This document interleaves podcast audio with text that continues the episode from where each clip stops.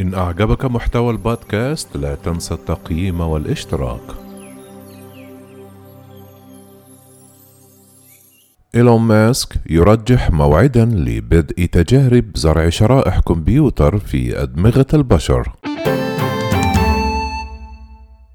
قال الرئيس التنفيذي لشركة تسلا وسبيس إكس إيلون ماسك الثلاثاء أن شركته الناشئة نورالينك المتخصصة في أبحاث للربط بين دماغ الإنسان والكمبيوتر يمكن أن تبدأ تجارب بشرية في وقت مبكر من هذا العام إذا سارت الأمور على ما يرام.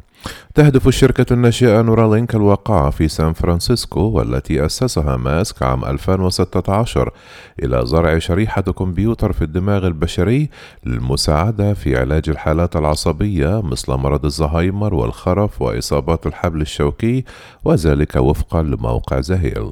وعلى المدى الطويل تتطلع الشركة إلى تحقيق درجة من التعايش بين البشر والذكاء الاصطناعي. وفي تعليق له على تويتر الاثنين استجاب ماسك لطلب مستخدم للمشاركة في التجارب البشرية لهذه التكنولوجيا الجديدة وكتب قائلا تعمل نورانك بجهد كبير لضمان سلامة الشرائح المزروعة وهي على اتصال وثيق مع إدارة الغذاء والدواء. ثم تابع إذا صارت الأمور على ما يرام فقد نتمكن من إجراء تجارب بشرية أولية في وقت لاحق من هذا العام. وكان المستخدم هامون كامي كتب تغريدة لماسك قال فيها أنه تعرض لحادث سيارة منذ عشرون عاما وأصيب بالشلل من الكتفين منذ ذلك الحين. وعبر عن استعداده للمشاركة في الدراسات السريرية في نورالينك. والأحد كشف ماسك خلال مقابلة على التطبيق الاجتماعي الخاص كلوب كلاب هاوس أن شركته نورالينك وضعت غرسة لاسلكية في دماغ قردة ساعدته في لعب ألعاب الفيديو باستخدام عقله فقط ومضى مؤكدا بساطة العملية لا يمكنك حتى معرفة مكان وضع الغرسة العصبية.